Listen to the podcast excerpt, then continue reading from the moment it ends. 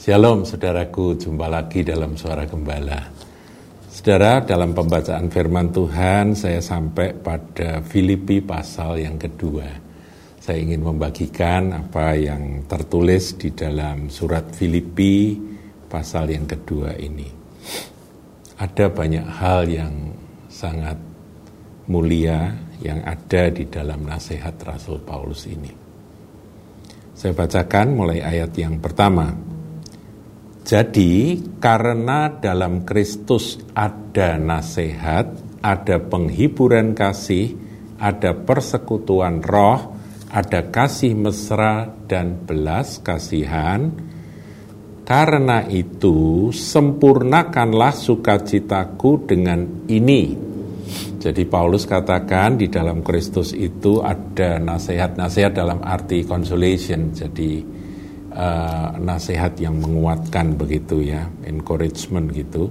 Ada penghiburan kasih, ada penghiburan yang yang dilakukan demi kasih itu saudara. Kemudian ada kasih mesra dan belas kasihan. Jadi kalau kita mengaku kita ini ada di dalam Kristus, maka poin-poin ini harus kita ingat saudara. Apakah kita di dalam persekutuan dengan sesama umat Tuhan itu ada nasihat, nasihat kasih, penghiburan kasih, ada persekutuan yang dipimpin oleh roh, apakah ada kasih mesra, jadi kepedulian satu sama lain, dan belas kasihan kepada mereka yang menderita. Ini uh, tolok ukurnya, saudara. Tapi kemudian Rasul Paulus melanjutkan di ayat 2. Karena itu sempurnakanlah sukacitaku dengan ini. Jadi Paulus mau katakan, aku akan sangat bersukacita atau istilah Paulus, sukacitaku akan sempurna kalau engkau melakukan hal-hal ini. Apa itu? Hendaklah kamu sehati sepikir. Nah itu nggak gampang saudaraku. Masing-masing kita punya pikiran, punya perasaan, punya hati ya. Nah itu dikatakan itu harus satu hati, satu pikiran. Ya tentunya itu harus diusahakan. Nanti cara mengusahakannya ada di bawah, saudara, di ayat berikutnya. Dalam satu kasih, jadi harus ada yang namanya kasih yang di, dijadikan acuan dalam segala sesuatu kita ini bersatu hati, satu pikiran, tetapi juga satu kasih gitu saudaraku ya. Ini perlu sekali untuk kita ingat bahwa sebagai umat Tuhan kita ini punya pedoman seperti ini. Dan itu yang membuat sukacita Paulus itu sempurna. Ketika kita satu jiwa, satu tujuan, satu kasih kasih Kristus sehati sepikir ya itu membuat Paulus berkata ini ya yang menyempurnakan sukacitaku. Ayat 3 ini caranya, saudaraku ya, caranya mencapai sehati sepikir, satu jiwa, satu tujuan. Itu caranya ini. Dengan tidak mencari kepentingan sendiri atau puji-pujian yang sia-sia. Jadi yang namanya kepentingan diri sendiri, ya ini penyebab utama dari orang kenapa tidak bisa bersatu. Karena masing-masing mempertahankan, memperjuangkan akan kepentingan diri sendiri. Atau bukan kepentingan, tapi dia ingin mendapatkan puji-pujian, ya puji-pujian yang sebetulnya sia-sia. Jadi kalau kita mengacu pada kasih Kristus, pikiran Kristus, yang penting apa yang Tuhan inginkan, Tuhan kehendaki, Tuhan mau biar itu tercapai kita harus bisa menyangkal diri, saudaraku. Kepentingan diri sendiri harus kita nomor dua kan, nomor tiga kan, nomor sekian kan. Puji-pujian yang sia-sia, sudah nggak usah cari puji-pujian. Mau nama kita tidak tercantum atau apa itu urusan kecil saudara. Yang penting tujuan Tuhan tercapai. Ini yang Rasul Paulus eh, nasihatkan kepada jemaat Filipi.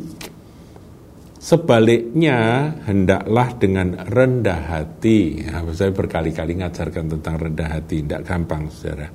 Yang seorang menganggap yang lain lebih utama daripada dirinya sendiri. Dulu pernah saya sampaikan bahwa uh, syarat utama untuk kita ini boleh menjadi orang yang menerima pewahyuan. Ya menerima revelasi dari Tuhan adalah kerendahan hati, yaitu dengan apa? Dengan satu kesadaran bahwa orang lain itu juga dipakai Tuhan. Bahkan kita mengutamakan orang lain. Jadi jangan mengutamakan diri sendiri.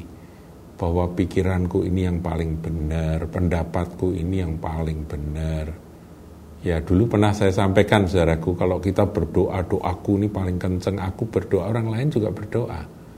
Saudara kita yang lain juga berdoa. Aku puasa yang lain juga puasa. Aku cinta Tuhan yang lain juga cinta Tuhan. Aku belajar firman yang lain juga belajar firman. Jadi ayolah kita belajar menghargai atau menganggap yang lain itu juga utama bahkan lebih utama dari diriku Kemudian ayat 4 diulang lagi dan janganlah tiap-tiap orang hanya memperhatikan kepentingannya sendiri. Saudaraku kepentingan diri sendiri ini mm, penyebab masalah itu ada di dalam tubuh Kristus. Tapi kepentingan orang lain juga pikirkanlah untuk kepentingan orang lain. Nah, ayat 5 ini kuncinya kita harus berdoa minta Roh Kudus tolong supaya ayat 5 ini menjadi bagian dalam kehidupan rohani kita ketika kita bersama-sama dengan saudara-saudari dalam tubuh Kristus. Hendaklah kamu dalam hidupmu bersama, bersama ya, jadi ini dalam persekutuan, menaruh pikiran dan perasaan yang terdapat juga dalam Kristus Yesus. Jadi pikiran dan perasaan Yesus Kristus itu harus ada di dalam diri kita atau ambil alih akan pikiran dan emosi kita. Makanya dulu ada ya saudaraku yang berkali-kali saya sampaikan, what would Jesus do? Ya itu uh, WW what would J Jesus do? WWJD kalau Tuhan itu ada pada posisiku, apa yang dia lakukan? Menghadapi akan situasi ini. Itu yang terpenting, saudara. Nah, kalau Tuhan Yesus itu seperti apa? Nah, saudara, ayat 6. Ya, yang walaupun dalam rupa Allah, karena dia itu bagian dari arah Tritunggal, dia adalah sang firman yang menjadi manusia, tidak menganggap kesetaraannya dengan Allah. Firman dan Allah tidak bisa dipisahkan dan mana yang lebih rendah firman atau Allah ya satu, saudaraku Yaku dan Bapa adalah satu, kata Tuhan Yesus. Tidak menganggap kesetaraan dengan Allah itu sebagai milik yang harus dipertahankan. Ketika dia menjadi manusia, dia merelakan. Ya, itu namanya kenosis itu, saudaraku ya di ayat 7 melainkan telah mengosongkan dirinya sendiri dan mengambil rupa seorang hamba dan menjadi sama dengan manusia. Inilah yang disebut dengan kehambaan dari Yesus Kristus Tuhan. Bagaimana dia yang adalah sang firman yang setara dengan Allah yang kemudian ketika dia menjadi manusia dia mengambil rupa seorang hamba meskipun dia raja meskipun dia Allah. Kalau kita belajar tentang empat Injil saudaraku saudara membaca Injil Matius maka di situ Yesus dipotret sebagai seorang raja. Ada silsilah lengkap dia raja. Tetapi Injil Markus mempotret Yesus sebagai hamba. Hamba, betul-betul budak yang tidak punya hak apa pun. Lukas mempotret Yesus sebagai manusia. Yesus berkali-kali menyebut diri anak manusia. Bar enas ya, dia anak manusia.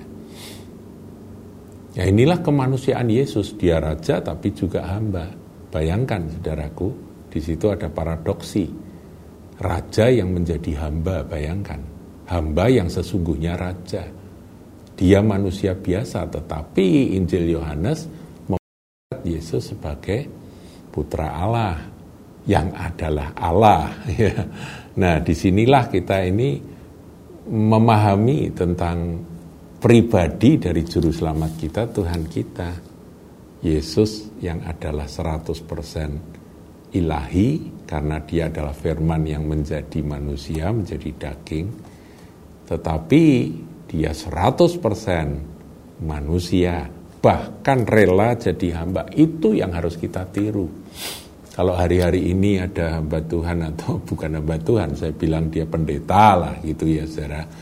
Yang memfokuskan akan Yesus sebagai manusia bahkan akhirnya keilahiannya itu dia mulai mulai singkirkan dan dia berkata saya tidak percaya bahwa Yesus adalah inkarnasi dari logos gitu ya. Ya yaitu terserah dia. Itu memang ada bidat-bidat di zaman lampau yang memang mengajarkan seperti itu.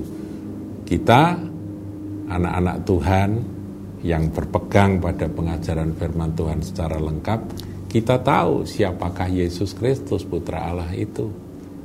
Dia manusia, bahkan dia rela jadi hamba, makanya kita juga meniru akan teladan dia.